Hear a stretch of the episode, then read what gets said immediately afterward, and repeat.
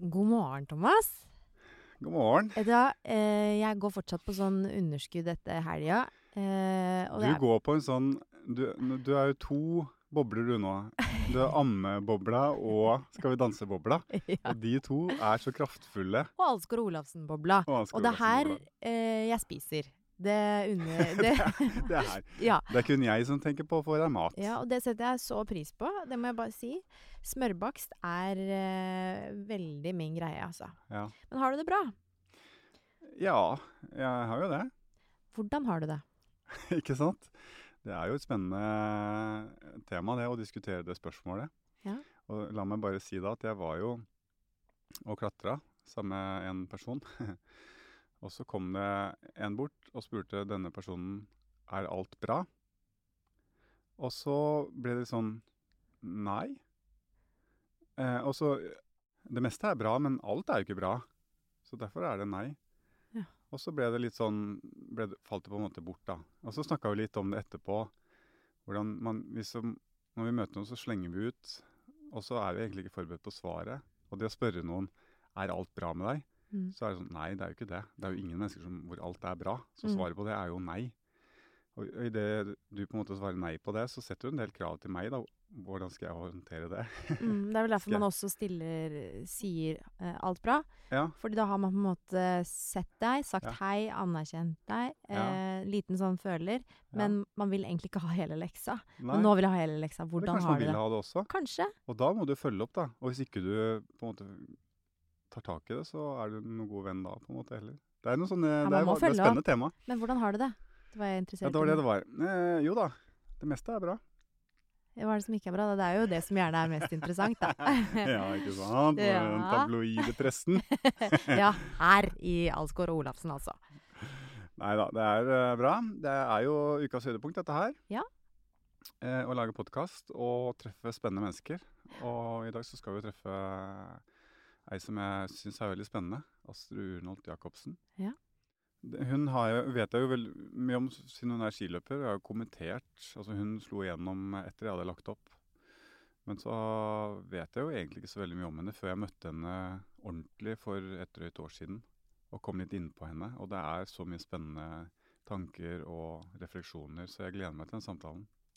Ja, jeg eh, kjenner jo Astrid litt sånn fra Vi var jo litt aktive på samme tid, så jeg kjenner henne litt sånn fra bare på hils på toppidrettssenteret. Ja. Som er litt sånn teit når jeg ser tilbake på det. Herregud, hvorfor, ble ikke, hvorfor var ikke alle vi en kjempegjeng, liksom? Vi Ja. gikk der oppe og tråkka alle sammen hver eneste dag. Ja, Spiste lunsj, ikke sant. ja. Men vi satt jo oss på bordet sammen med de vi kjente fra før. det var klikkende. Ja, det var jo litt det, selv om jeg prøvde jo liksom litt, da. Men langrennsgjengen virka alltid litt sånn utilgjengelig også, syns jeg, da. Ja da, jeg vet det. Ja, det var Jeg tar sånn selvkritikk på det, Ja. på langrenn sine vegne. Ja. ja. Men uh, Astrid er jo ei som eh, har uh, skilt seg ut litt. Hun har jo uh, ment ting fra tid til annen. Det er jo en sånn evig debatt om idrettsutøvere skal være, engasjere seg politisk, eller om de skal engasjere seg i ting utenfor idretten i det hele tatt. Og Astrid er jo en av de som har gjort det, og jeg syns at hun har Hun er innmari Hun er liksom veldig flink, eh, god på å snakke. Eh, Føler at hun eh, er veldig genuin. Og er veldig sånn bevisst sin egen rolle. Eh, jeg føler at hun eh, ikke er sånn bombastisk heller. Jeg føler at hun er veldig sånn flink megler, på en måte. Snarere tvert imot bombastisk, ja. Ja.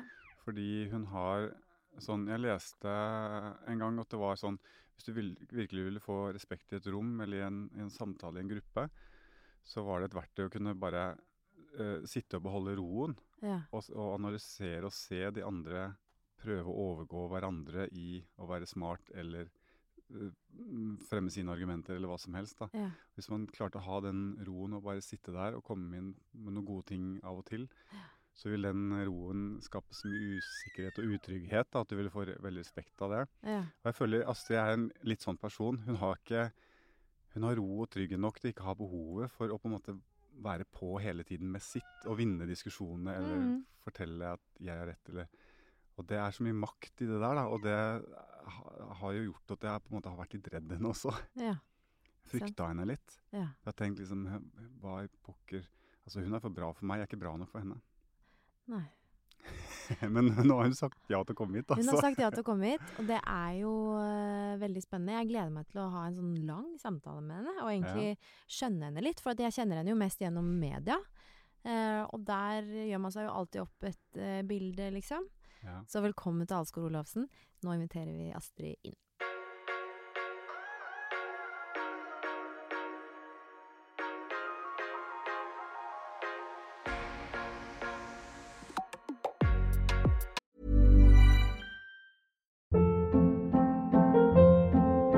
Hold up. What was that? Boring. No flavor. That was as bad as those leftovers you ate all week. Kiki Palmer here, and it's time to say hello to something fresh and guilt-free. Hello Fresh. Jazz up dinner with pecan-crusted chicken or garlic butter shrimp scampi. Now that's music to my mouth. Hello Fresh. Let's get this dinner party started. Discover all the delicious possibilities at hellofresh.com.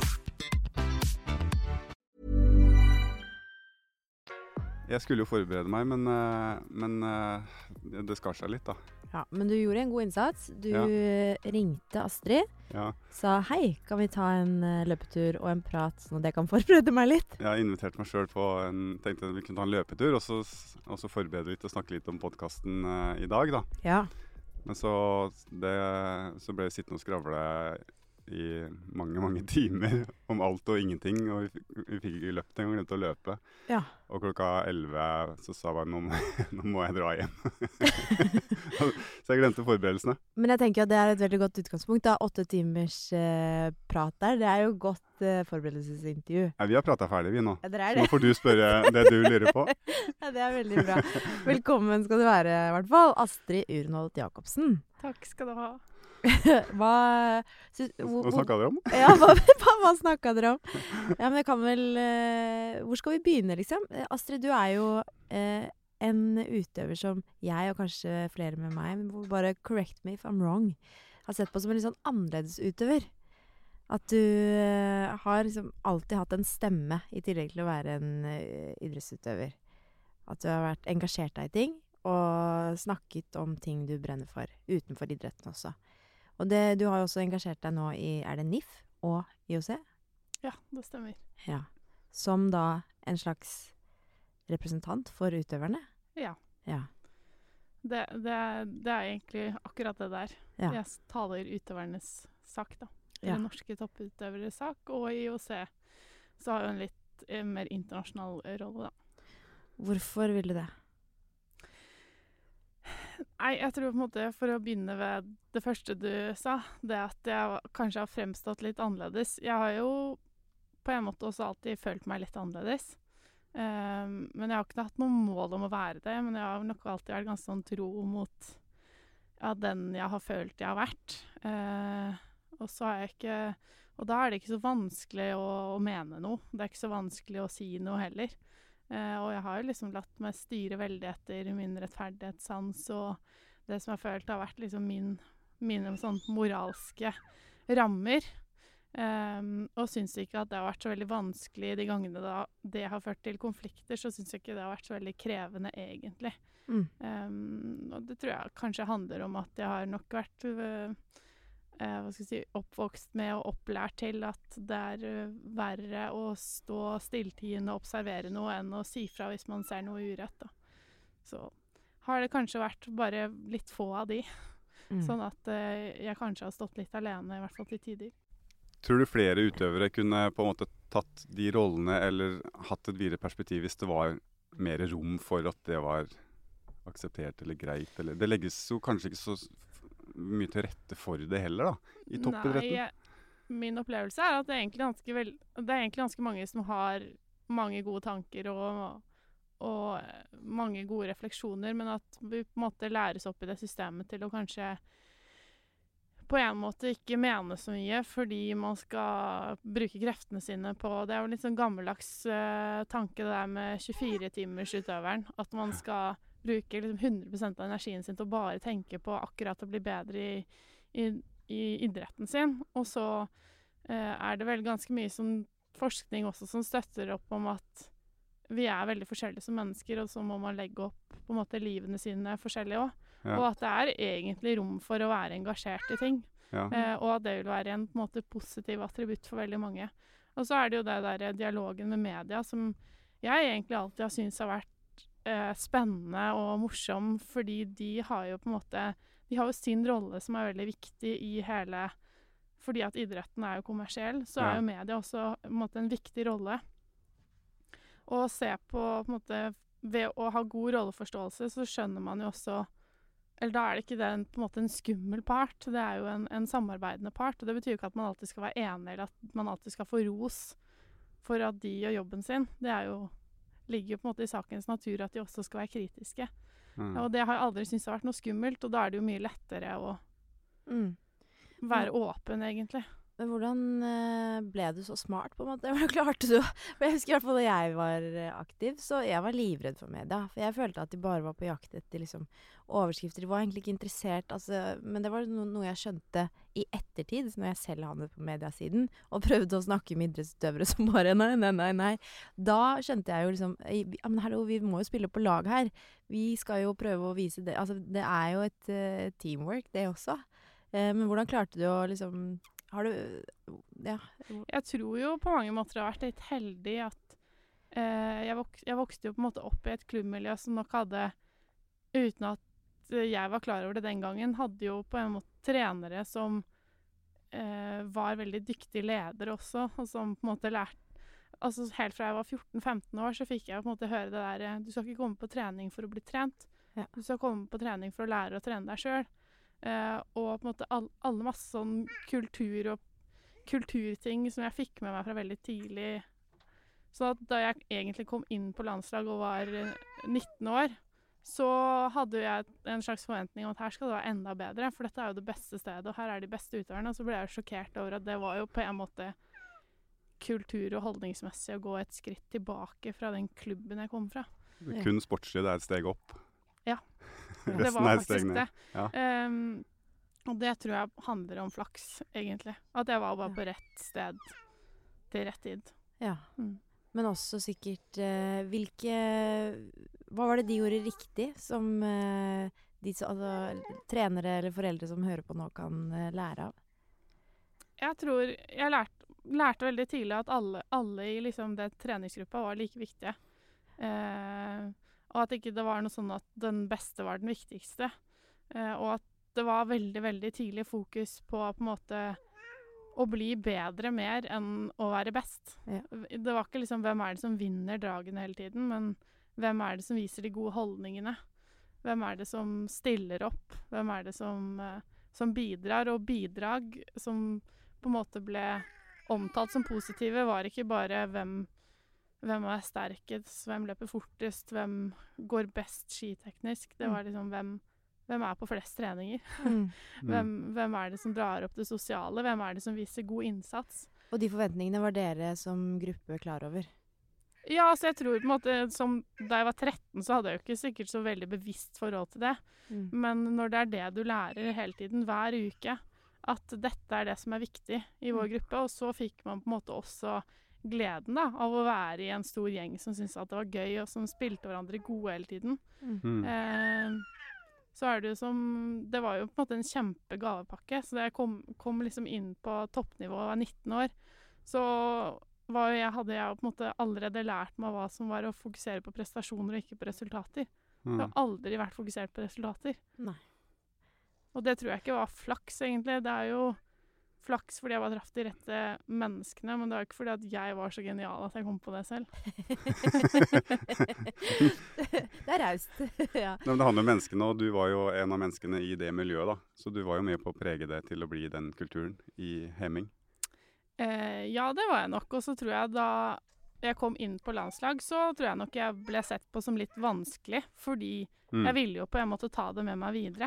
Men det var jo, ble jo på en måte nesten et slags opprør. Men var det slitsom motstand, eh, syns du? Eh, ikke så lenge jeg på en måte bare var hun nye som gikk bak. Okay. Mm. Men det ble jo et større problem når jeg begynte å også få gode resultater. Ja. Ja. Men t- gjorde det at du på en måte Kjente du på at det, det ble en viktig rolle, at du opprettholdt det, eller følte du heller at du hadde lyst til å gi det opp og heller bli med? Nei, jeg, det var nok på en måte lett for meg det første året. Og så gjorde jeg det jo veldig bra. Ja. Og så ble det sånn at alle sitt syn endret seg jo. Ja. Eh, noe som var veldig rart for meg, fordi den kulturen jeg kom fra, så ville jo ikke det hatt noe på en måte å si. Nei. Om man var best eller dårligst i gruppa, hadde jo på en måte ikke noe å si. Man var veldig verdifull uansett. Mm.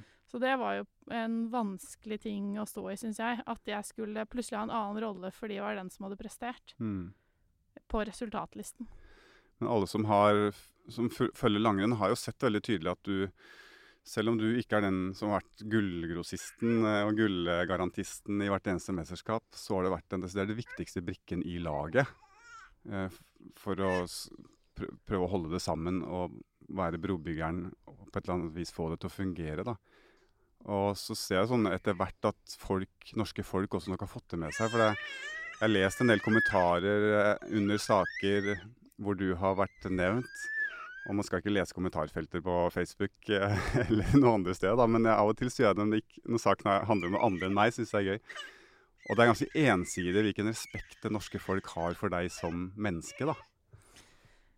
Ja, det lurer jeg jo på en måte på om jeg egentlig fortjener, men eh, jeg er jo i hvert fall veldig stolt av at jeg, jeg føler jo at jeg har vært gans, ganske tro mot meg selv sånn hele tiden. Og så har det vært noen år jeg var veldig mye frustrert, og hvor jeg også presterte dårlig. Ja. Um, som jeg syntes var krevende, kanskje fordi da sto jeg mindre godt i å liksom være meg selv. At Jeg mistet litt grann fotfeste og var mye frustrert fordi jeg syns ikke at ting gikk framover, liksom. Kulturen ble ikke noe bra. Jeg trivdes ikke så godt. Og så um, Og så fant jeg jo mye mer tilbake til det igjen etter hvert, da. Men i et lag så er det jo utøverne har jo sin oppgave, på en måte, men det er jo et stort apparat da, med trenere, ledere. Og deres rolle er på en måte mer å være en å backe opp, da. Men følte du at du fikk noe oppbacking? Fikk du den støtten du trengte av resten av apparatet? Jeg tror eh, Eller det har jeg tenkt veldig mye på, fordi eh, i mange liksom sånn situasjonene som har vært, så tror jeg jeg ble oppfattet som krevende. Eh, og du omtalte meg liksom som en brobygger. Jeg tror ikke det var alle som hele tiden tenkte 'oi, for en brobygger'. Fordi jeg var jo litt sånn òg at når jeg så noe som ikke egentlig fungerte så veldig bra, Mm. eller f.eks. at man kamuflerte et problem som noe annet, eller tildekket ting, så Mm. ble jeg utrolig frustrert. Og da var jeg jo på en måte en som på en måte laget konflikt. Ikke fordi at jeg laget konflikten, men jeg orket ikke at man skulle dytte ting under teppet. Mm. Og heller ville dra det ut, og det blir det jo uro av. Mm. Eh, så jeg var jo ikke den som laget god stemning hele tiden, men jeg er jo egentlig veldig stolt av at jeg gjorde det, fordi det er jo den måten jeg Jeg tror på en måte kanskje det er min arv til den, det miljøet og den kulturen. At det måtte jo til for at man skulle på en måte løfte laget og kollektivet Mm. til det det etter hvert ble. Jeg blir berørt, jeg nå. Ja. For Dette er jo noe som eh, Det har jo sikkert alle kjent på. Å være ny, eh, å komme inn et sted der det er en kultur, eh, og det er eh, altså, mange som har jobbet der lenge, eh, kan, kan det, på en måte. Eh, og det å komme inn som ny og bare ikke være enig, eller sånn, kjenne på kroppen at det her funker ikke for meg, og så si det. Kan du, ikke, kan du gi noen eksempler på, på hva en sånn ting kunne være? Eh, åh, det, er, det, er, ja, det er jo på en måte mange ting å ta av, men det kunne være så enkelt som eh, Det var veldig resultatfokus. Det var på en måte sånn at den som gjorde det best, var fornøyd, og, og resten kunne være misfornøyd. Noe som er jo toksisk i et sånt miljø. Eh, det handlet vært mange ting som handlet om mat også, Ja. og som har vært et kjempeproblem. Og har jo alltid vært det i utholdenhetsidretter. Og mm, altså for begge kjønn, men kanskje mest uttalt og mest synlig på kvinnesiden. Hvor man egentlig ikke, etter min mening, tok tak i det. Det var jo sjokkerende, syns jeg, da. Og det var litt rart at jeg som 19-åring skulle komme inn og synes at det var sjokkerende. Mm. Um, men det var nok fordi jeg, var helt sånn, jeg hadde vært helt skånet for dette da. Mm. Mm. Jeg hadde ikke vokst opp i et miljø hvor det var en ting, altså en viktig faktor i det hele tatt. Mm. Jeg hadde også vokst opp med en trener som var så åpen om at dette er en viktig faktor. Mm. Og altså dette med, med på en måte kropp og, Og kosthold er en viktig faktor, og det var på en måte ikke da for meg noe skummelt. Det var jo en ting man pratet om, og da var det jo ingen som hadde så mye problemer med det heller. Så det var liksom en typisk ting som jeg kunne bli kjempefrustrert over. Fordi du så at de andre, eller andre slet med det, eller fordi at det kom eh, Jeg kunne se at andre sleit, men at man på en måte ikke ville helt ta tak i det. Ja. Um, Men hvorfor er det så vanskelig å ta tak i det? Er det frykten for å såre de det angår, på en måte? For igjen så har de sånn Norges skibund har verdens største apparat med Ja. de mest profesjonelle mennesker rundt seg, men Men nå, det er jo på en måte litt viktig å poengtere at dette var jo Dette er jo 15 år siden da. ja. Og mye skjedde Mye, veldig, veldig mange bra ting skjedde jo fra jeg kom inn til jeg sluttet. Ja. Sånn at eh, den måten man håndterer det på i dag, er jo, vil jeg jo si, er veldig, veldig mye bedre. Ja. Ja. Og så er det jo en slags delay. Eh, Men det er jo ikke bare, det er ikke bare langrenn dette er en utfordring. Det er jo i stort sett all type idrett. Da. Og det er ikke bare kvinner heller. Det gjelder gutter og menn i like stor grad. Nesten snart like stor grad. mm. Jeg har jo vært involvert i Klatreforbundet, og der er jo altså vekt Det er i dystre klatring tall. er jo Ja. Det er dystre tall. Hvis du går ungdoms, europeisk cup for ungdommer, Mm. det er jo 100 sant? Mm. Jeg husker bare Men, men det, er, ja. det er ingen som tar tak i det i noen idretter. Eller det, er liksom aldri noe tema. Jeg husker det var noen som gjorde en uh, undersøkelse også da jeg gikk på Vang. Uh, og jeg husker ikke nøyaktige tall, så det er litt farlig å si. Men jeg mener at det var rundt 70% altså, av jentene på liksom, håndball særlig som sleit med maten. Men det var ingen som gjorde noe. Det skjedde jo ingenting, så, som jeg husker i hvert fall. Nei. Det er ganske voldsomt. På, på over videregående, liksom. Det er fælt, da. Ja. Men nå, nå tror jeg jo på en måte å Det som er på en måte vanskelig, er at man eh, nå, vet, nå vet jeg ikke helt hvordan det er nå, da. Kanskje at på en måte de unge sine forbilder kanskje ikke er i idretten lenger engang, eller ikke på den samme måten. Men det, det er jo det jeg mener med at det er en slags delay, da. Fra på en måte det settes inn gode tiltak til på en måte de, får ny, altså de unge får nye forbilder som er på en måte sunne forbilder. Det tar jo kjempelang tid. Mm. Mhm. Sånn at det er jo et slags arbeid man må være tålmodig i også. Hvor bevisst var du det egentlig når du var aktiv, at du var et forbilde? Eh, jeg tror på en måte at jeg var ganske bevisst det hele tiden. Men jeg har nok hele tiden tenkt at uansett om jeg var det ene eller det andre, så måtte jeg på en måte være litt sånn Hva skal vi si Se litt innover med jevne mellomrom. Liksom hvem Hva gjør du nå? Hva er dette liksom Er dette deg?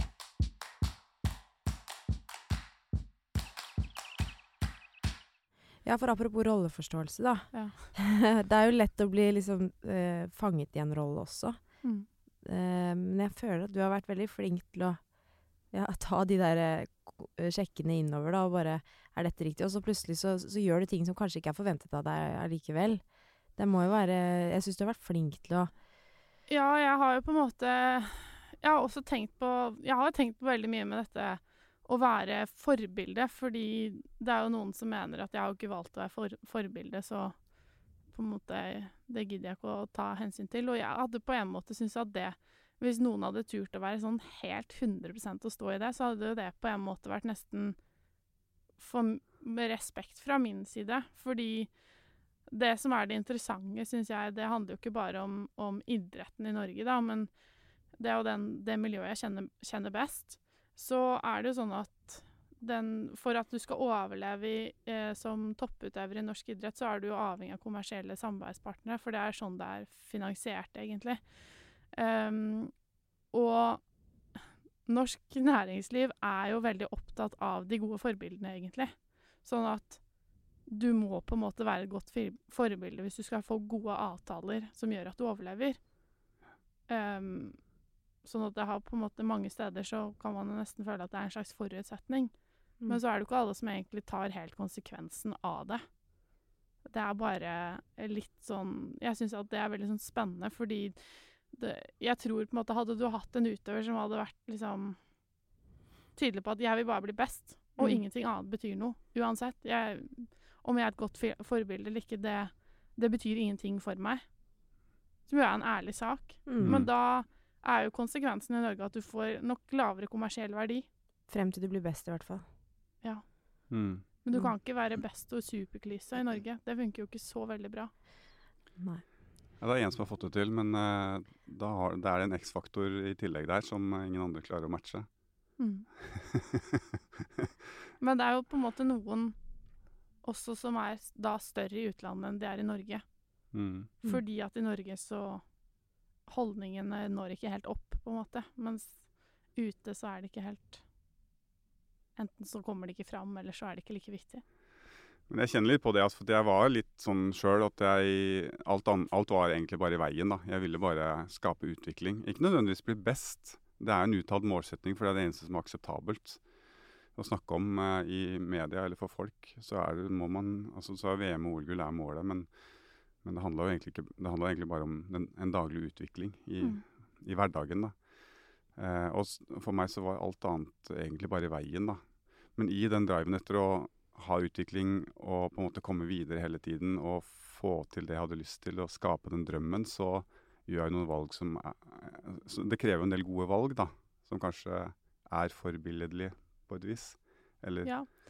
Altså, jeg jeg hyller jo på en måte at folk kjører på i på en måte For det tenker jeg, det er jo det også jeg på en måte i min rolle nå skal være med å fasilitere at norske utøvere kan bli så gode mm, de har lyst til å bli. Mm, eller som de har muligheten til å bli. Og om man velger å være det ene eller det andre, det er ikke så viktig for meg, egentlig. mm, Men jeg har nok noen ganger savnet at folk er liksom mer ærlige. Liksom Mm. ikke selge deg inn som noe du ikke er. Altså, er det du er, liksom, og stå for det. Så syns jeg det Jeg kan på en måte synes at det er ålreit med noen som er litt sånn OK, jeg er kanskje litt klysete, men det tror jeg på skal til for, Ja. for å, at jeg når mitt potensial. Så er Ja. det sånn OK, du kan kanskje ikke synes at det er det mest hyggelige, men det er jo ekte i så fall. Ja. Ja. Og akkurat det med at folk er ekte, er jo liksom en ting jeg kanskje setter veldig, veldig høyt. ja. Ja. Jo, men da funker jo alt. Hvis du er ekte og ærlig, og, og det er hjerte og sjel, så funker jo egentlig hva som helst, da. Det Ja. er det du sier, og det er jeg jo enig i, da. Det gjør, det gjør jo ikke det. Alt funker jo ikke. Det er ikke sånn Nei, da er det akseptert, da. Ja da, det er jeg enig i. Men du får ikke nødvendigvis sponsorer bare fordi du er ærlig og ekte. Nei, det er det som er litt poenget mitt, da. At, Men de er en helt annen men ja. hvis du skal ha min respekt, så Ja. må du det. Men det er ikke Ja. sikkert du får mest penger i banken. Nei.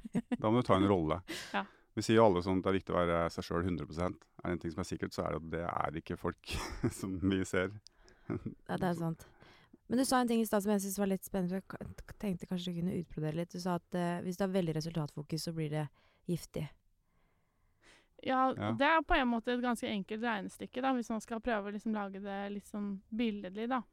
Hvis vi var ti, ti damer på et lag, og så går til alle de ti det samme skirennet, og hvis det er bare den som er best av de ti som er fornøyd, så er det liksom det er 10 da, som er fornøyd til enhver tid, og 90% som er misfornøyd. Og 90% misnøye, det er dårlig stemning. Det blir jo generelt bare dårlig stemning.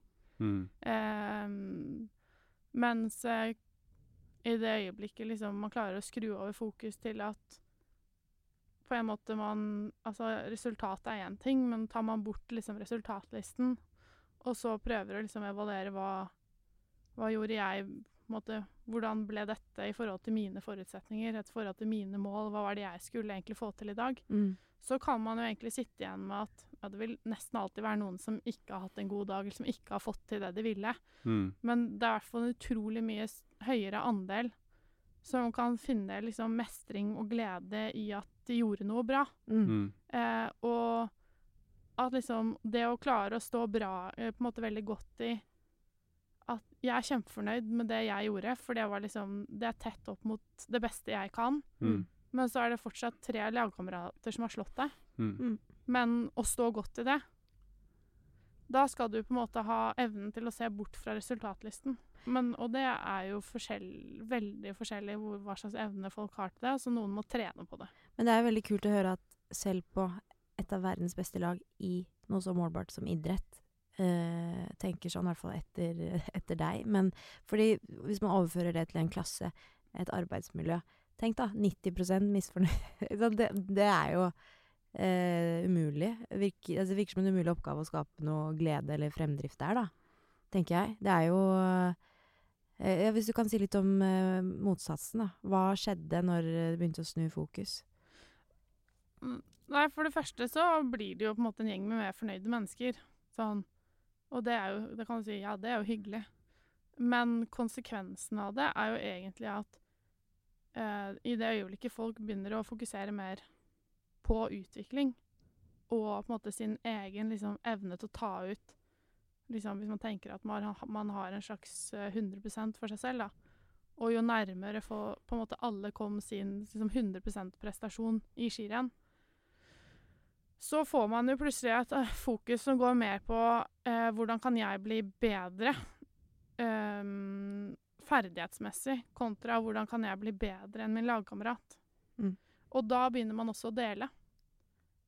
Da, for, da, Mm. forplikt, da blir det også mer attraktivt at jeg forteller deg mine liksom, triks, tips og Mm. triks. Bare, har du sett liksom, i løypa der, der er det noe karere, der er det skygge, det kommer nok til å bli sånn og sånn. Hva slags ski? Og så får man masse tilbake fra lagkameratene sine. Mm. Mm. Og da har du plutselig skapt et miljø som, hvor kollektivet bare løfter seg. Mm. Nivå for nivå for nivå. Mm. Og så istedenfor at man da på en måte konkurrerer om å være liksom nummer eh, 9, 10 og 20, så er det liksom Er det 1, 2 og 3. Mm. Og, da, og det er jo også eh, da, Og da har man også investert i hverandre på en annen måte. sånn at om man da er den som plutselig er skadet, og man er syk, man ble ikke tatt ut på laget, så er jo det kjempekjipt i seg selv. Men du kan faktisk stå og se på den som vinner, og tenke at sånn OK, jeg har en liten aksje i det. Mm.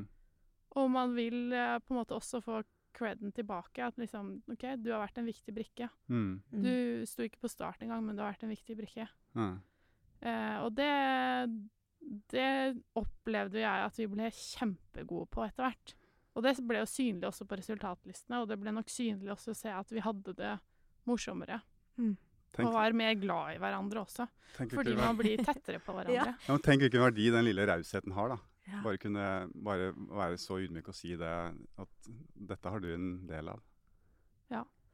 Og jeg tenkte jo faktisk at det var noe av det verste med å slutte. Ja. Og på en måte ikke, å måtte gå ut av et miljø hvor folk er så investert i hverandre. Mm. Og i hverandres utvikling, fordi man har på en måte skjønt at skal jeg bli bedre, så må alle bli bedre. Mm. Jeg, jeg var heldig, fordi jeg møtte jo det når jeg kom inn på laget. Mm. Når jeg var unggutt og, og kom inn på elitelaget, på herrelaget. Da var den kulturen der. Og det var jo det var, I mitt hode så er det Bjørn Dæhlie som på en måte dro den kulturen i gang, da. Og så er jeg ikke enig i alle valgene han tar i dag, altså kan gjerne diskutere det med han, men, men den gangen der, fantastisk. Og det er jo akkurat som du sier, en ting han gjorde var jo når jeg slo igjennom på Lillehammer, og hadde på en måte stjålet hans gullmedalje der oppe, så begynte han å invitere meg hjem og begynte å invitere til samarbeid hele tiden for å vi skulle jobbe sammen og dele erfaringer. Og det var en ren egoistisk handling. Han brød seg egentlig katta meg, men han så at jeg hadde noe som han ville ha. Så en ren egoistisk handling, men den egoismen skapte noe kreativt og noe nyttig for oss begge. da. Sånn at vi begge kunne utvikle oss videre. For han skjønte at han, han Jeg hadde noe som han trengte for å utvikle seg, men da forsto han også at da måtte han tillate at jeg også utvikla meg samtidig.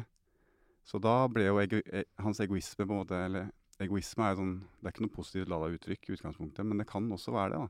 Det kan være mye kraft og mye energi og mye godt i en egoistisk handling. Og, da, og, og så har det vært en sånn kultur i herrelaget hvor det har vært den delingskulturen. Enorm vilje til å, å bidra inn i fellesskapet og dele erfaringer og være kreative sammen. Mm. Og så har man kanskje levd ja, med hverandres resultater og med hverandres motgang. Ja.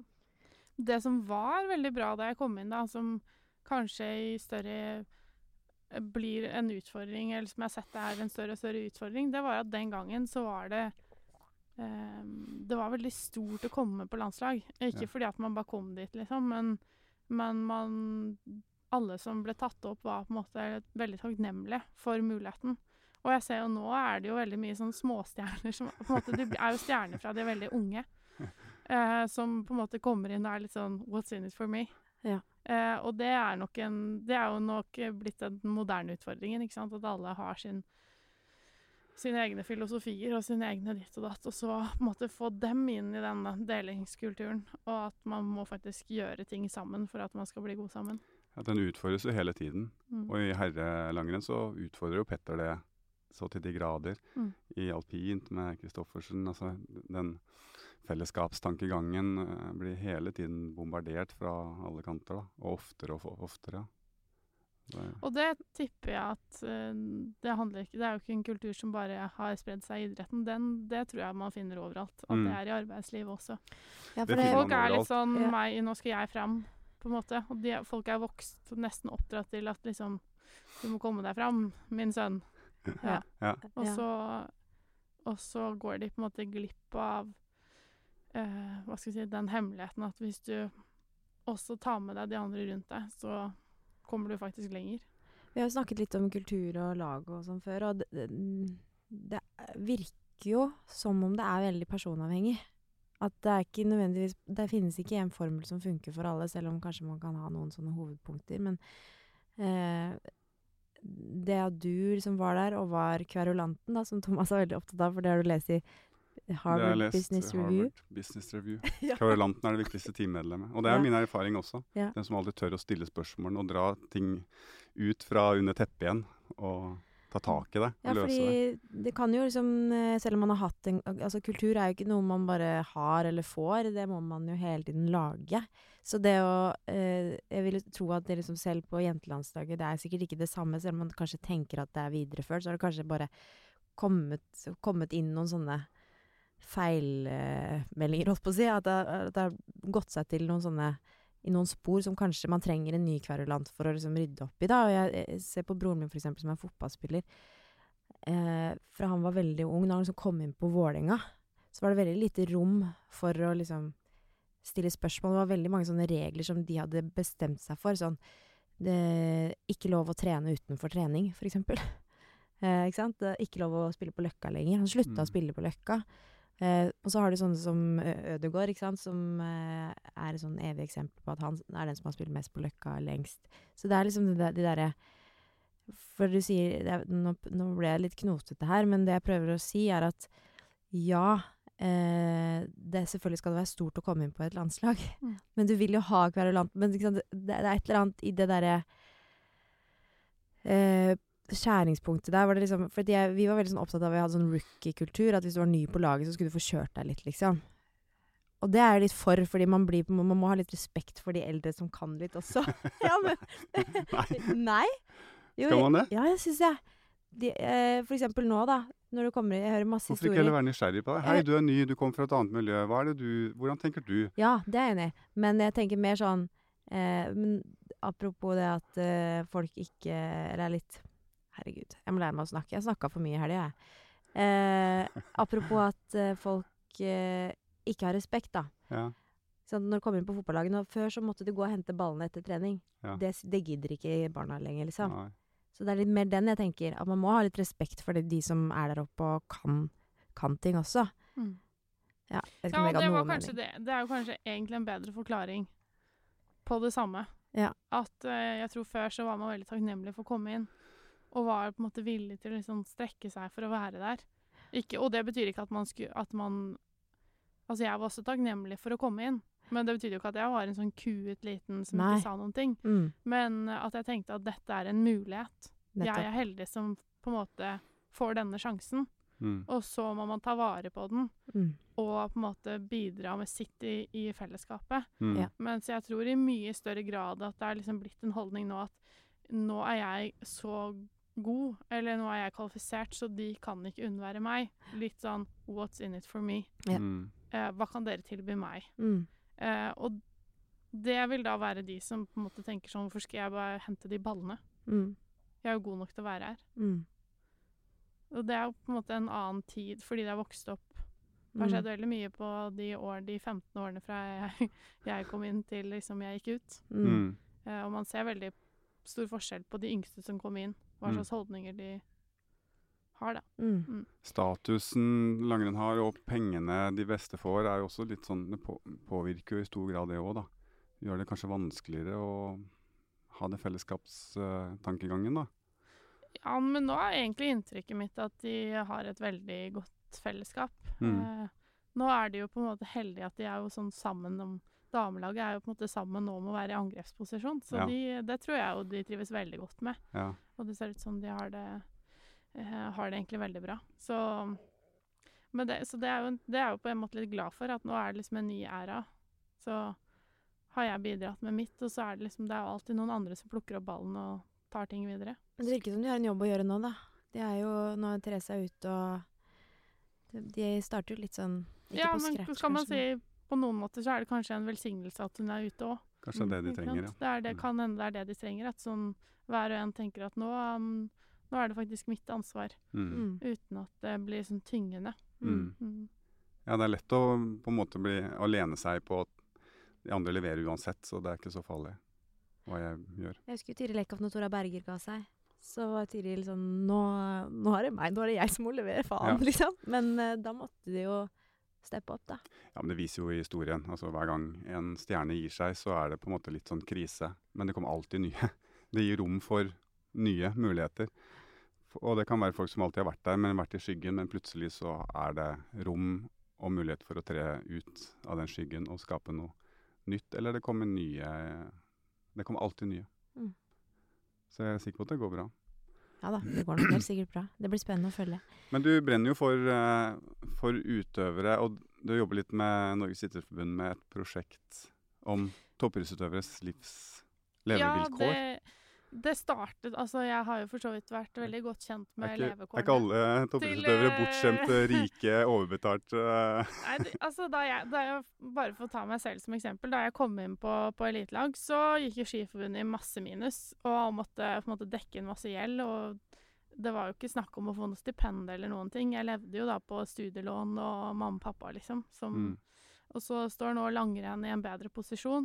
Eh, men poenget er jo at toppidretten er jo i stor grad kommersielt finansiert. Sånn at Mm. de stjernene vi ser mye i avisen, det er også de som er kommersielt interessante og som tjener penger. Og så er det alle de vi ikke ser, og de er det veldig, veldig mange av.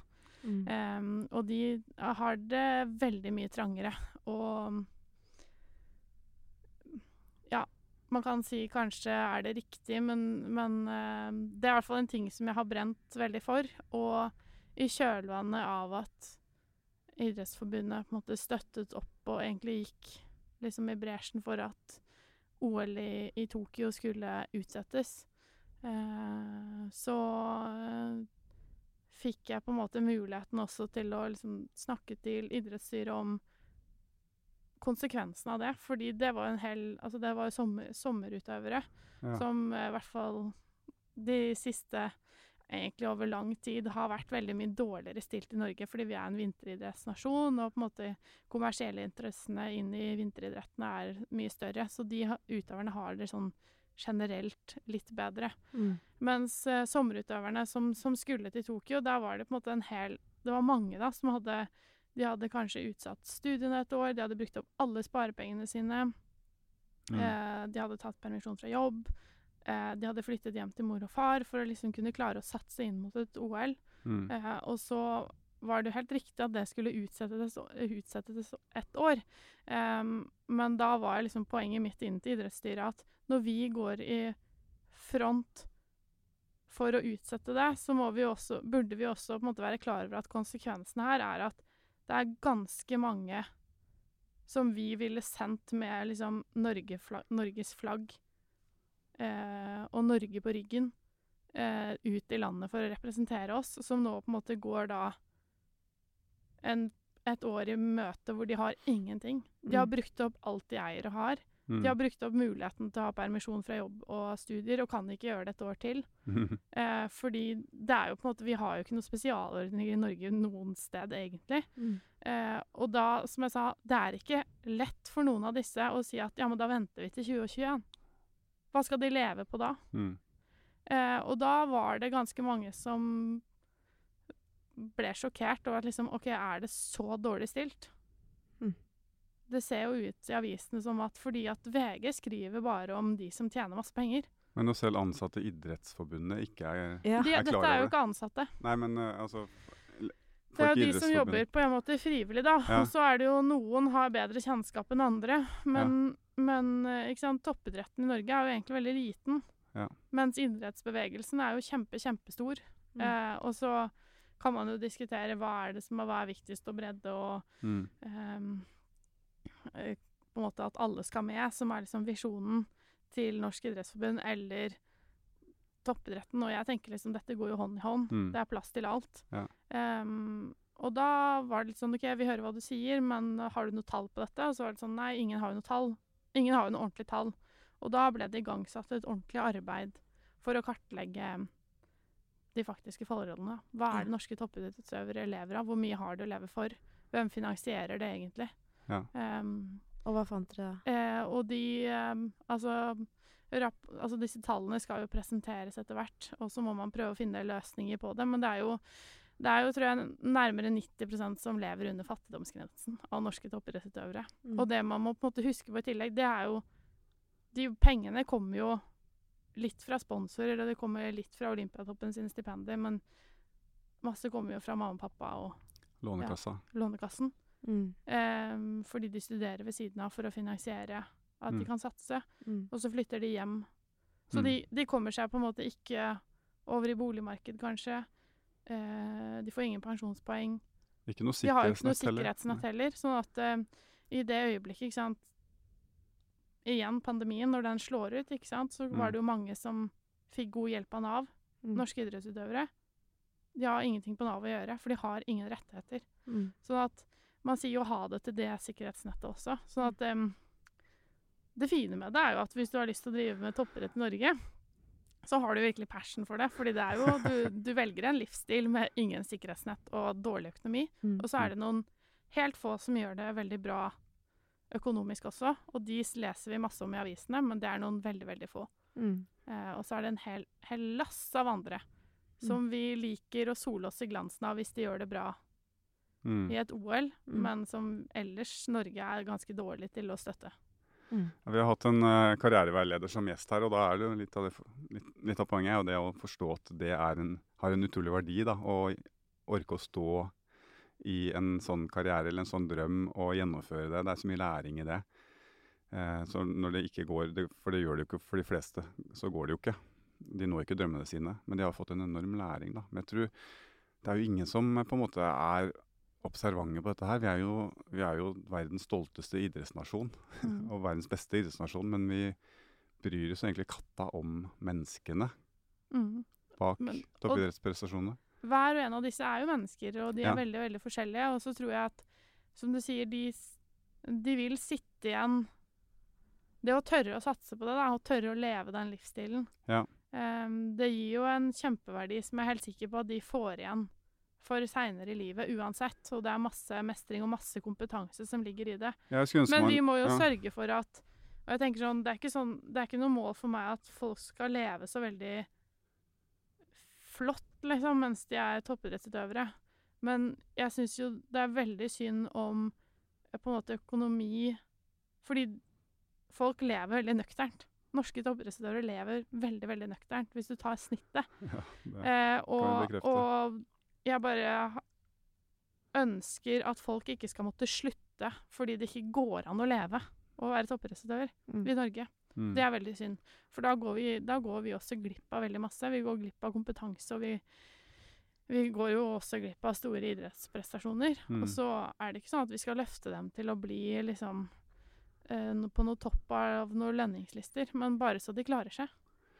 Og det er jo Andre land har jo løsninger for det her, som er et slags, slags sikkerhetsnett. I Østerrike vel så blir de vel politi eller vektere hele gjengen, og i Frankrike mener jeg de blir eh, ansatt i typ Altså NSB, altså Vy, da. Baneverket. ja, det er mye tollere og politi i Europa. I Mm. østover, Russland og videre bortover, så er det knytta Så ligger alt under det militære. Eh, Ja, det finnes mange løsninger, og det er på en måte hva skal jeg si, fordeler og ulemper med alle sammen. Og så tror jeg veldig masse ved den norske idrettsmodellen er veldig, veldig bra.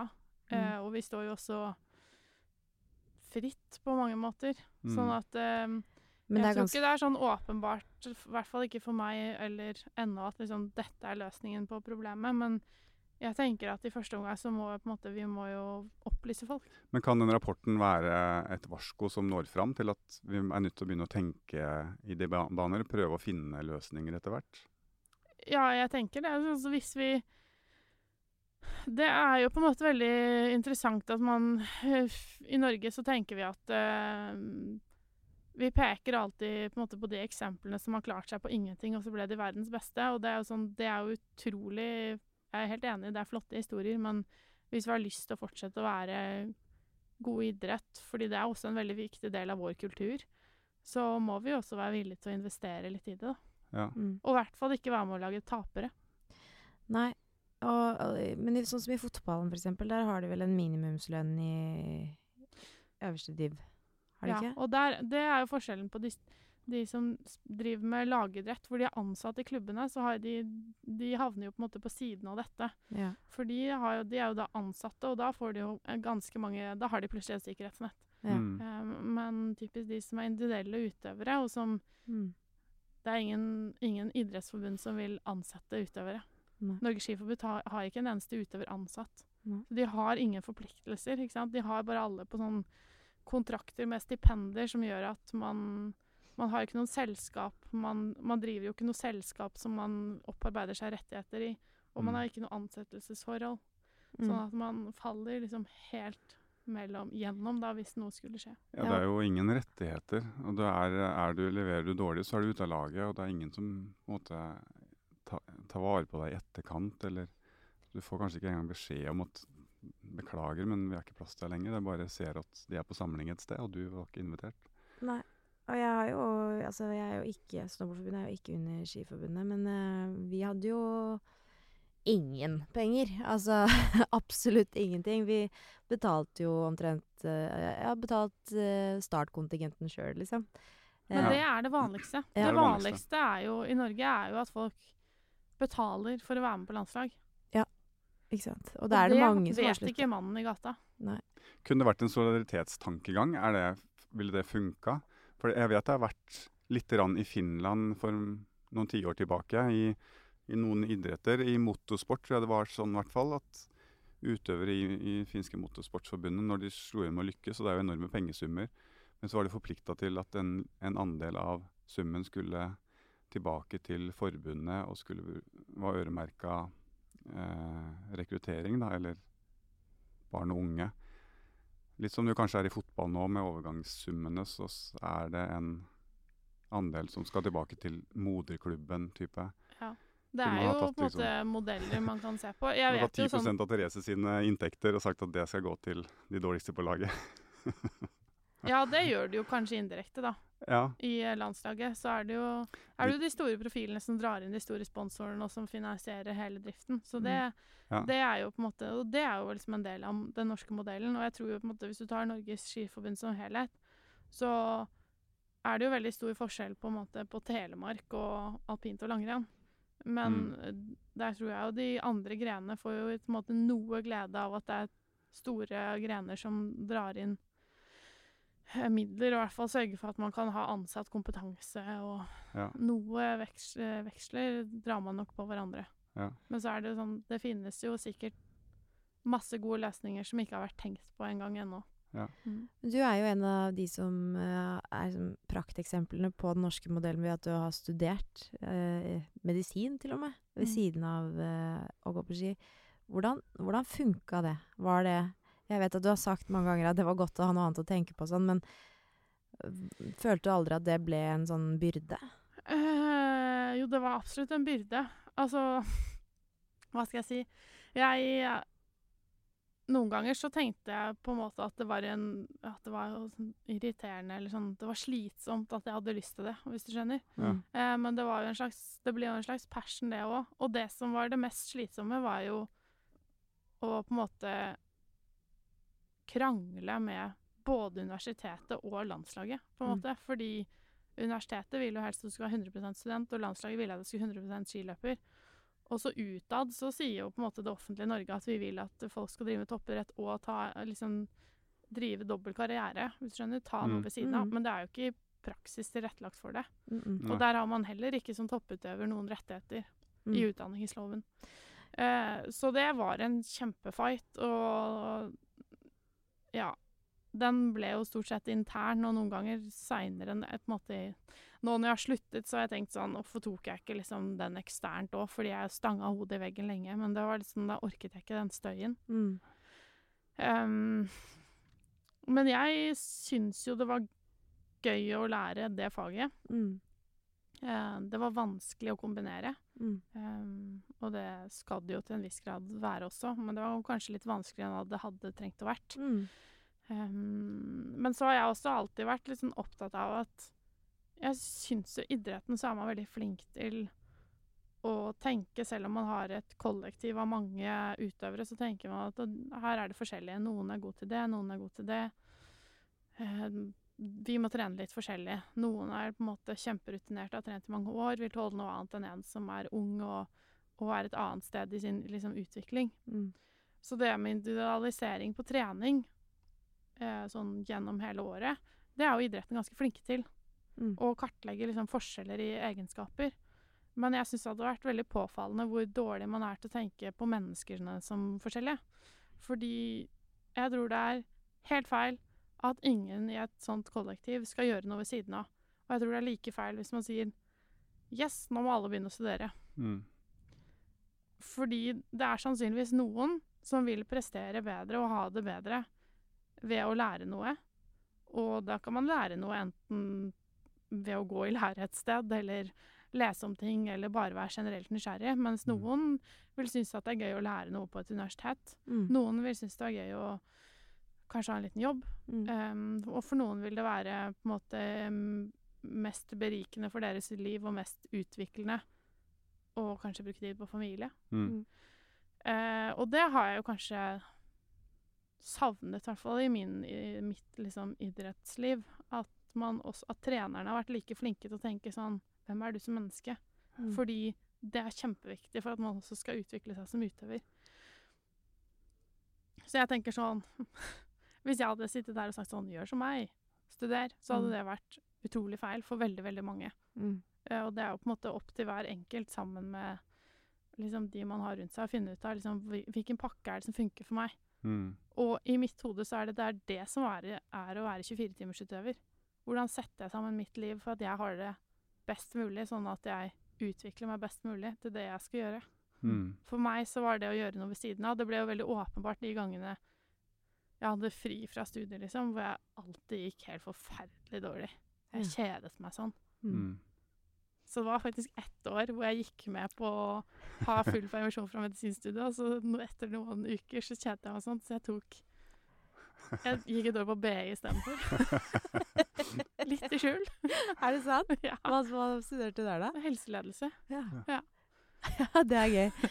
Men det er sant, det. Jeg også prøvde jo de, altså, utallige studier, for jeg følte at jeg trengte noe annet. Da. Men den derre kampen med institusjonene, og det å prøve å få det tilrettelagt, var jo Det var jo så utmattende.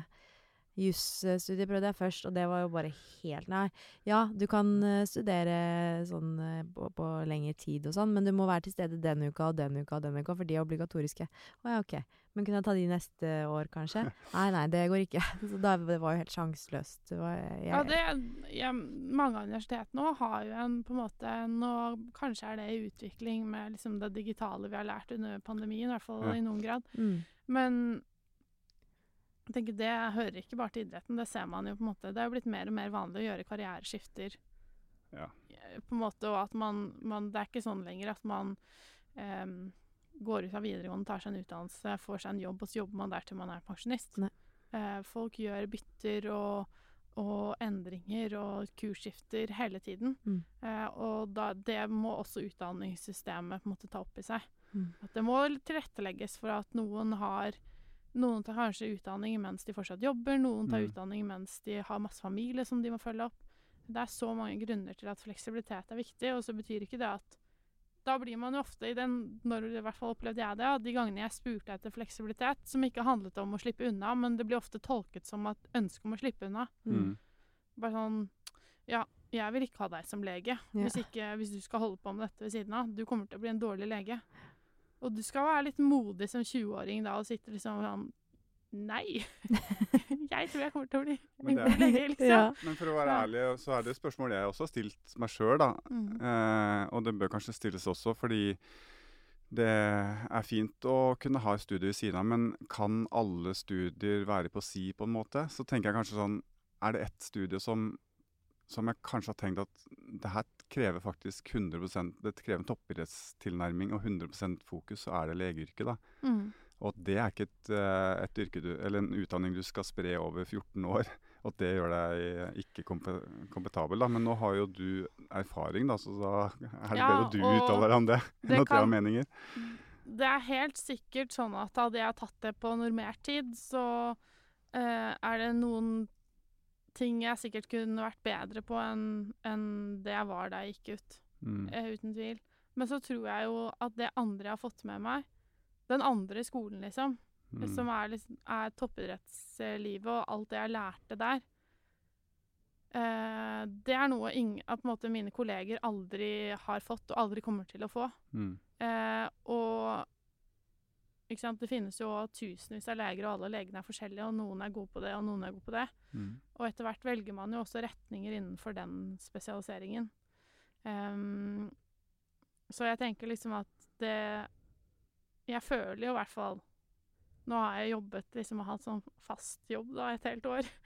Uh, at uh, det er plass til meg. Jeg kan gjøre en god jobb.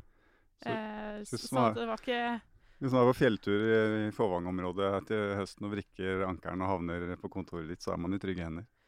Jeg håper det, i hvert fall. ja. Vrikke ankelen. Det var det jeg kom på. Ja. Ja. Det finnes farligere ting. Gjør det det? Ja, det gjør det. Det har jeg lært. Ja. Ja. Teipe er sikkert god erfaring med akkurat det ankelvrikking. Det tipper jeg går Det er det mest alvorlige jeg har vært borti.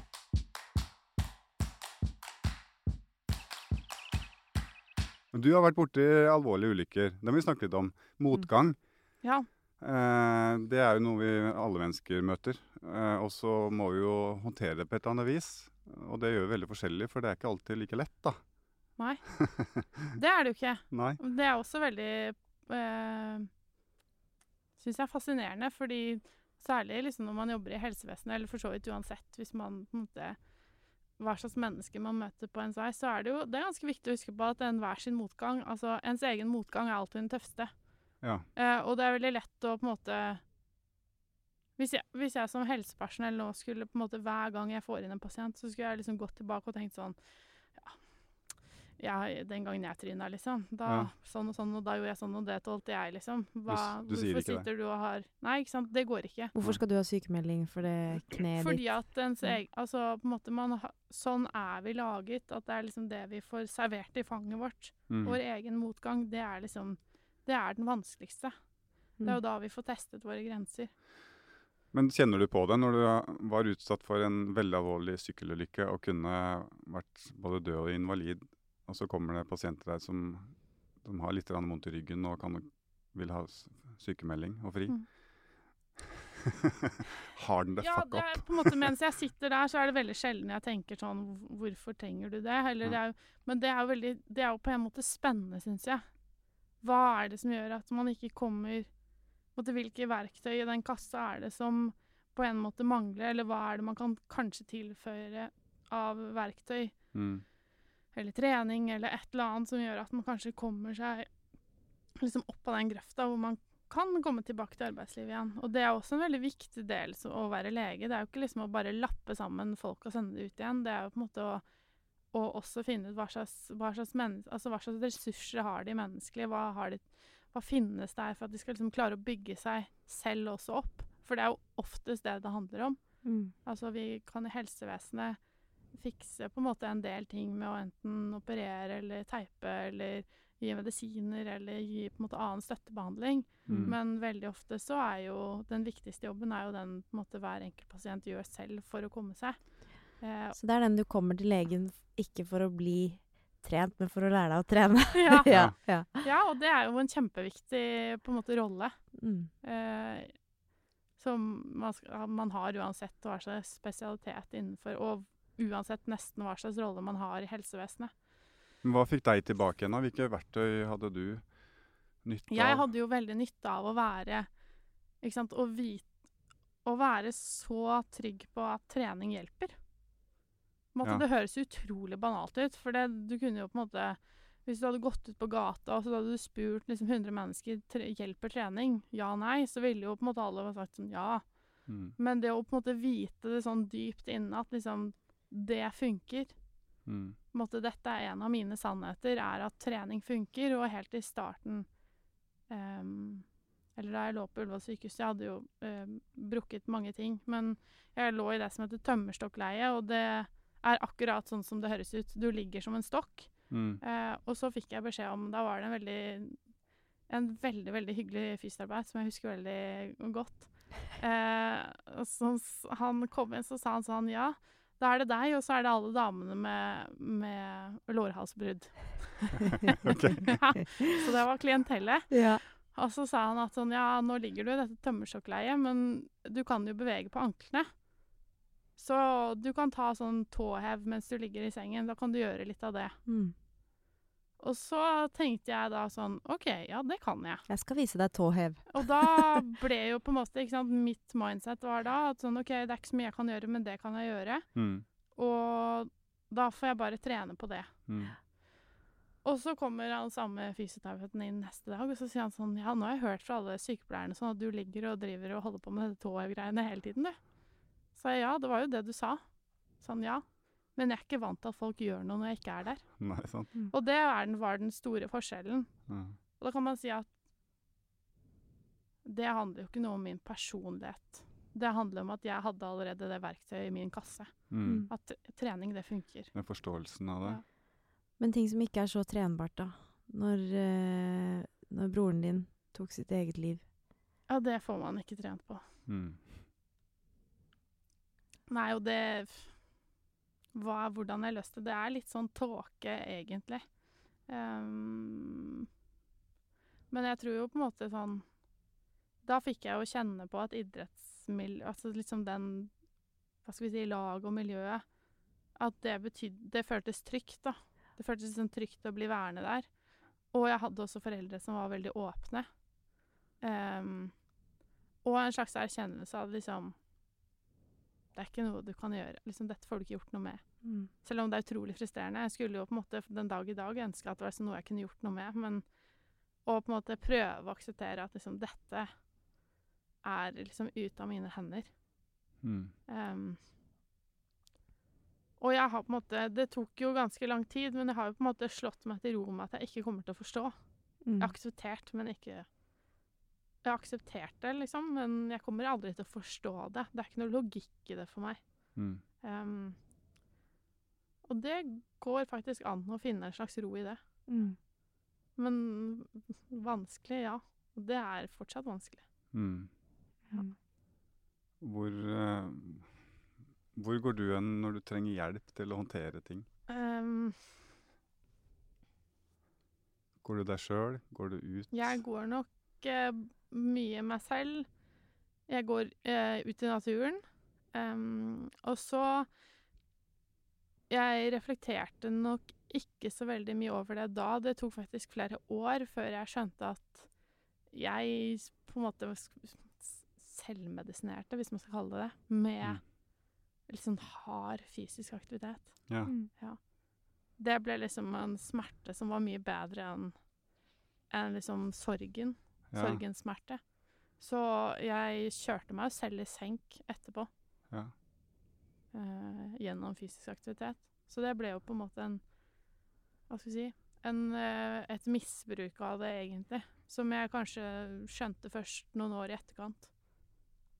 Mm. Jeg brukte ganske lang tid før jeg skjønte at sånn Jeg er ikke ferdig med dette. Jeg må ta det opp på nytt og snakke med noen liksom, profesjonelle om det. Mm. Mm. Så det har du gjort. Mm. For det har jeg jo hørt flere si, at de på en måte prøvde å løpe fra det. Eller ja, Ja. at Mm. det er en uh, Men at du har faktisk uh, snakket med noen profesjonelle om det, ja. Ja. Og det tror jeg Jeg fikk jo masse tilbud uh, om det den gangen òg, men um, jeg tror det føltes veldig feil fordi at alle de var tilknyttet idretten.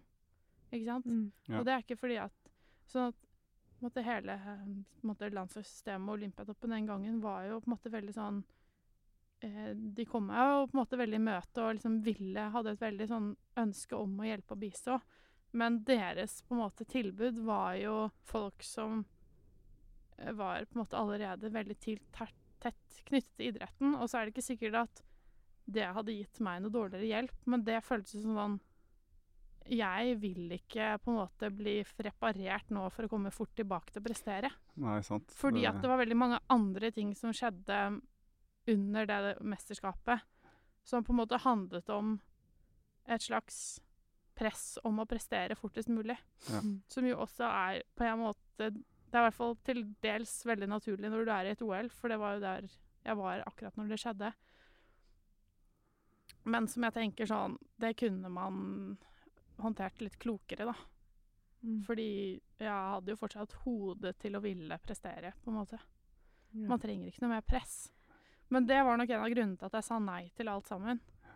Og når det hadde gått eh, eh, en del år, eh, og jeg skjønte liksom Her er det noe som på en måte ikke er ferdig prosessert, så fant jeg jo noen som ikke hadde noe med idrett å gjøre. Ja. Eh, og det er jeg jo veldig glad for at jeg har gjort, da. Det henger jo igjen, litt igjen med med alt vi har snakka om tidligere også, at i en sånn situasjon så, så mangler det ikke på hjelp, men det handler om å hjelpe deg tilbake til å bli en god idrettsutøver. Mm. Ikke hjelpe deg tilbake å finne deg sjøl som menneske. Mm.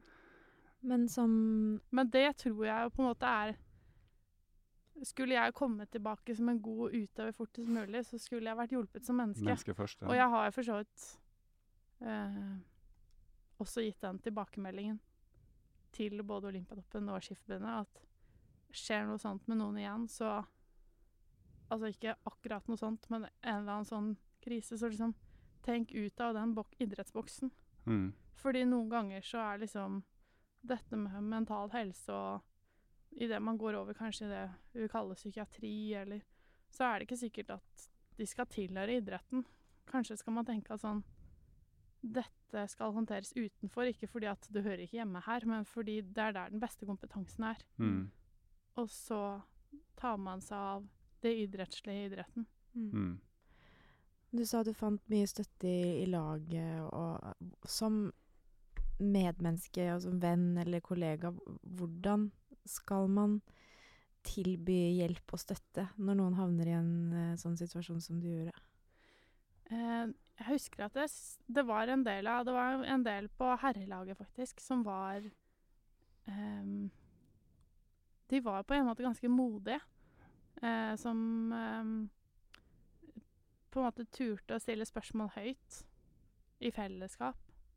Være på en måte nysgjerrige. Men også uh, på en måte åpne rommet for at det, du trenger ikke å svare, men Ja. og det er mye lettere å forholde seg til enn enn, eh, på en måte folk som bare går og tisker og hvisker eller ikke tør. Fordi det er jo veldig vanskelig å gå Jeg skjønte jo det, at det er vanskelig å gå i møte, fordi skal alle tenke, hva skal man si, hva skal man gjøre? Det finnes ikke noe rett, noe galt. Det handlet om å liksom se at folk brydde seg. Det var mer enn nok. Um, og det var Jeg husker jo eksempel at jeg satt Jeg tror det var med noen av gutta til et eller annet måltid. I, du vet, I OL så er det liksom sånne svære felles sånn Hva skal vi kalle det? Restauranter. Matsaler. Det er som sånn matsaler. Eh, og vi satt rundt et sånt ganske stort rundt bord, og så mm, Og så sier, ser Eldar Rønning på meg, så sier han sånn hva, hva vil du egentlig at vi skal snakke om? Og så sa han bare snakk om helt vanlige ting. Hvis jeg liksom ikke klarer å følge med, så er det mitt problem, men det er deilig å høre at dere snakker om helt vanlige ting. Og det har jeg tenkt etterpå, det er ganske på en måte modig å tørre å spørre. Og Sånn, Mm. hva, hva vil du, liksom? Hva trenger du? Ja. Hva, hva skal vi snakke om? Skal vi snakke om dette, eller skal vi ikke snakke i det hele tatt, eller eh, Og der var det veldig mange som var mm, på en måte modige, Mm. syns jeg. Mm. Og flinke. Mm. Jeg fikk jo lov til å være der òg, Mm. hele tiden. Mm. Ehm, som jo på en måte var veldig viktig for meg, men jeg tror kanskje også det ble viktig for mange av de andre, for de så jo at liksom, OK, det går jo ikke bra, men det går jo i hvert fall. Ja. Og så er det jo ikke din oppgave å på en måte si sånn laget, hør her. Det har jo ikke du på en måte overskudd eller sånn. Det er, blir jo, det er jo gruppa som må ta ansvar, men det kan jo være veldig vanskelig. Du må være litt modig for å gjøre det. Ja. Men jeg tror vi la liksom em, Hva skal jeg si En slags god Vi gjorde noe på en måte klokt helt i starten, og det var egentlig helse Det var jo legen og fysioterapeuten den gangen som sa til meg sånn OK, det som har skjedd, det har skjedd. Eh, hvordan vil du at liksom resten skal få vite det, eller skal de få vite det? Så sånn, husker jeg at jeg sa sånn Alle må få vite det, fordi alle kommer til å skjønne at det er noe. Mm. Eh, og det var så mange andre bindinger, på en måte, fordi det er et lite miljø, sånn at folk hadde fått vite om det uansett. Um, så vi kalte faktisk alle sammen til et felles møte i liksom fysiorommet. Ja. Um, som jo, for de som har vært med sånn på sånne turer, så er jo et fysiorom er sånn, ja, det skjer fysioterapibehandling der, men det er ofte sånt sosialt hengerom i tillegg. Um, hvor på en måte legen sa noe først, og så var det jeg som sa det selv til alle sammen. Ja. Og da tror jeg på en måte alle tenkte at sånn, OK, dette er vi sammen om. Mm. Og det kostet er jo på en måte, hva skal jeg si, det var jo på en måte fem minutter som kostet helt vanvittig mye. Men det var det så verdt. Så Mm. liksom, det skulle jeg gjort igjen ti av ti ganger, da. Mm. Så det var tøft å liksom se alle lagkameratene i, i øya og si, liksom, fortelle hva som har skjedd. Mm. Men eh, det var Hva skal jeg si Det, det var veldig verdt det. Mm. Men nyttig påminnelse om at når vi har noen rundt oss som har så, så store utfordringer, at det ikke late som ingenting, men heller kanskje ikke Men bare signalisere ganske tydelig at jeg ser deg, og jeg er her. Bare Ja. det er nok, kanskje. da. Men nå som det har Bare gått ja. Nå som det har gått, eh, gått en stund Hvordan eh, Altså samme spørsmål, egentlig, bare at det har gått en stund. Hvordan skal vi rundt eh, Altså, syns du det er fint at man snakker om han? Eller syns du altså, Eller vil du at liksom eh, Ja, jeg syns det er vanskelig. Ja, jeg syns jo egentlig det. Altså, jeg tenker på han hver dag, og nå er det liksom gått såpass lang tid at nå er det, jo- nå er det ofte at jeg tenker, på en måte undrer sånn Hvor hadde du vært nå? Liksom i livet. Mm. Eh, for det er jo på en måte Nå har det jo gått såpass mye tid at man kan, jeg kan jo forestille meg det, men jeg hadde jo Jeg vet jo ingenting. Mm. Um, og så er det litt sånn Jeg tror for min del så er det litt sånn at jeg har jo min historie med han, og så er det andre har sin historie. Og alle må på en måte få eie den. Mm. Så når det kommer opp, så er det jo på en måte fint. Og så hvis ikke det gjør det, så er det også helt greit. Mm. Ja. Ja, for det er jo ja, det er mange som er pårørende til pårørende, og det er um, veldig mange som har opplevd noe, opplever jo en sånn enorm støtte i starten, og så er det liksom borte. Mm. Men du tenker jo fortsatt, og jeg vet jo at du fortsatt tenker på han Mm. hver dag. ikke sant? Jeg har en venninne som har mista faren sin for ikke så lenge, og siden og vi har en sånn greie om at liksom sånn hvis, Når vi er sammen, eh, hvis hun tenker på han, så bare sier hun det, liksom. Bare Mm. sånn at det, det er en del av, eh, av samtalen. Ja. Eh, men det er jo sikkert veldig forskjellig også, hvordan man ønsker å gjøre det. Men eh, Ja, jeg Mm. tror den på en måte vanskeligste overgangen er jo egentlig når på en måte verden ellers på en måte går tilbake til det normale, Mm. og så er man igjen. Man har Mm. ikke kommet seg noen vei. Ja. Det er jo veldig krevende. Eh, og, men samtidig som det er jo godt at verden ellers går tilbake til noe normalt, fordi da kan man i hvert fall av og til prøve å hekte seg på. Mm. Eh, fordi det er greit at noe er normalt, Mm. når alt annet føles som på en måte det holder på å ramle fra hverandre. mm, Um, men det å på en måte sette ord på det eh, At liksom OK, nå Det husker jeg òg at liksom Når jeg dro hjem derfra, og, og så snakket jeg med treneren igjen neste gang, på en måte, så var det sånn OK, nå går vi liksom tilbake til å drive normalt. Du må heller si ifra Mm. hvis du trenger noe annet. Og det skal ikke noe mer til for at liksom OK, det er greit, nå vet jeg det. Dere Mm. går tilbake til Det er ikke fordi dere ikke bryr dere. mm, Det er bare fordi at sånn må liksom verden løpe videre. mm. Det er jo enormt stor forskjell på det enn om de bare hadde gjort det. Ikke Mm. sant? Ja, det skjønner jeg. At man er uh... Ja, det er litt på godt og vondt, det, da. Men det er jo som du sier, det må kanskje være sånn. Det, det var jo Jeg opplevde litt sånn når pappa døde også, som bare ble borte brått eh, en natt. Så Men jeg, jeg avslutta sesongen der og da. Jeg dro bare hjem. Og så begynner en ny sesong, og, og da, da går jo det toget i hyperfart. Og så gikk jo det til karrieren var over, og så fikk jeg jo tid til å tenke gjennom det. Så det var mange år der jeg ikke hadde tenkt tenkte så mye over det. Og så kom det tilbake seks-sju år etterpå, da. Mm. Og så er det litt sånn som opplevelse som du har nå. Eh, nå tenker jeg på han hver dag. Og nå i dag er han min viktigste rådgiver, selv om han var død siden 96. så, så bruker jeg han nesten hver dag som rådgiver. Tenker, hva ville pappa gjort i den situasjonen? så er det mye kraft og energi i det. Mm. Men eh, jeg tror nok noen også kanskje vil tenke sånn at en sånn opplevelse er privat, eller de vil holde det privat. De vil ikke andre skal få ta del i det. Mm. Så folk er sikkert veldig forskjellige da, i forhold til sine traumer eller sine opplevelser og ulykker. Ja. Det, men jeg tenker liksom Eh, Nå er jo jeg på en måte vært, og er jo et menneske som er på en måte ganske åpen. Det er litt Mm. sånn what you see is what you get. Eh, og på en måte skulle være noe annet da, hva ville jo på en måte vært veldig rart. Mm.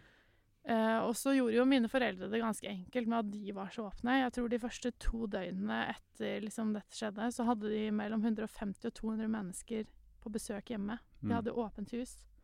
Og det er jo liksom Det er jo en heftig greie å Mm. ta imot. Mm. Eh, men eh, jeg tror De har jo aldri angret på det. Men det er jo et eller annet som de la jo veldig sånn premissene på at liksom Dette er ikke, det er ikke noe som Vi skal ikke tenke på det som noe skamfullt, og Nei. det er ikke noe som er hemmelig, og det er ikke noe vi skal dysse ned. Mm. Dette må vi liksom Alle må løse det på sin måte, men ja. Mm. Hva har du fått tilbake av å være åpen om ting? Du var jo senest den også etter eh, pride-skuddene. Så skrev du for første gang at du har blitt forelsket i en uh, jente, og at det har vært vanskelig å dele av en eller annen grunn. Ja. egentlig så, så tenkte jeg jo Jeg ble på en måte litt liksom overrasket da det skjedde.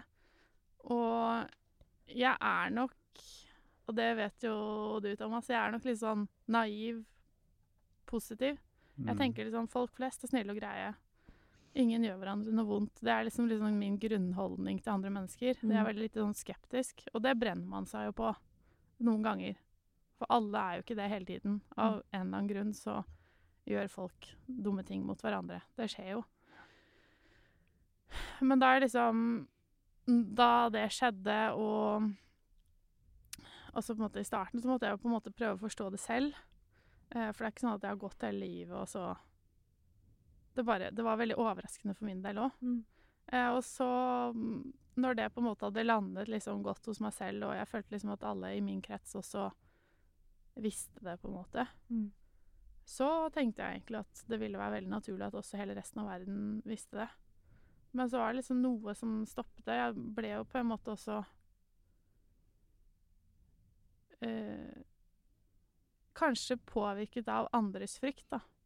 Jeg Mm. tror i utgangspunktet jeg ikke var noe redd for det selv. Mm. Eh, jeg tenkte sånn her Vi er kommet til liksom 2022. 2022, og ingen bryr seg om dette. Dette er jo liksom som Å ja, liker du blå bukser, liksom? Mm. OK. Mm. Mm. Ja. Det er ikke sånn på en måte Det er jo Det viktigste er at man har det bra, på en måte. Um, men så ble jeg nok litt påvirket av andre sin frykt mer, som jeg liksom tok til meg. Mm. Eh, og så, når det der Når uh, dette angrepet i Oslo skjedde, så ble jeg liksom helt slått i bakken, og da var det som det gikk opp et lys, liksom. Hvorfor har du ikke på en måte Dette er utrolig lite i tråd med liksom meg selv. Ja. Og ikke være åpen om det. Og det betyr ikke liksom nødvendigvis at jeg skulle på en måte gått ut med en liksom parole og fortalt det, men det har vært så mange på en måte små hva skal vi si, samtaler eller hendelser liksom igjennom da et år, hvor jeg på en måte har unngått tema. Mm. Hvor på en måte det naturlige for meg ville jo vært å liksom gå inn i det mer enn å gå ut av det. Mm. Eh, og det slo meg veldig da, og da tenkte jeg at det eneste måten jeg løser det på, er å på en måte få det ut, liksom. Mm. Det sånn Og da var det jo veldig sånn Ikke sant? Da følte jeg sånn alle rundt meg var sånn der wow. Ikke sant? Nå må vi stå klare her, for nå kommer, kommer det til å komme en liksom flom. Mm. Uh, og jeg har jo på en måte Jeg la det ut. Skrudde liksom mobilen på sånn flymodus. Gikk på fjelltur. Ja. Koste meg.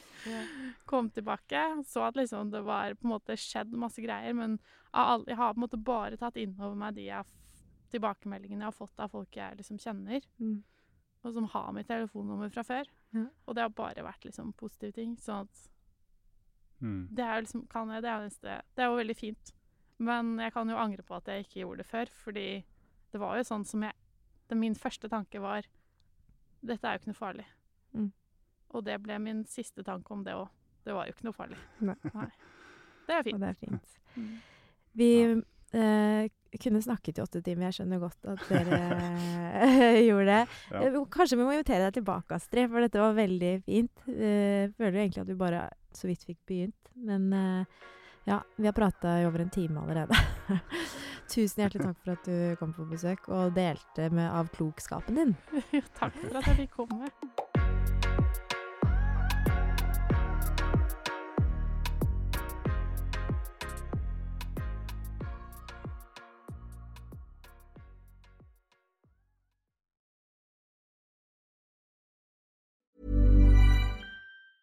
Ever catch yourself eating the same flavorless dinner three days in a row? Dreaming of something better? Well, HelloFresh is your guilt free dream come true, baby. It's me, Gigi Palmer. Let's wake up those taste buds with hot, juicy pecan crusted chicken or garlic butter shrimp scampi. Mm. Hello Fresh. Stop dreaming of all the delicious possibilities and dig in at HelloFresh.com. Let's get this dinner party started.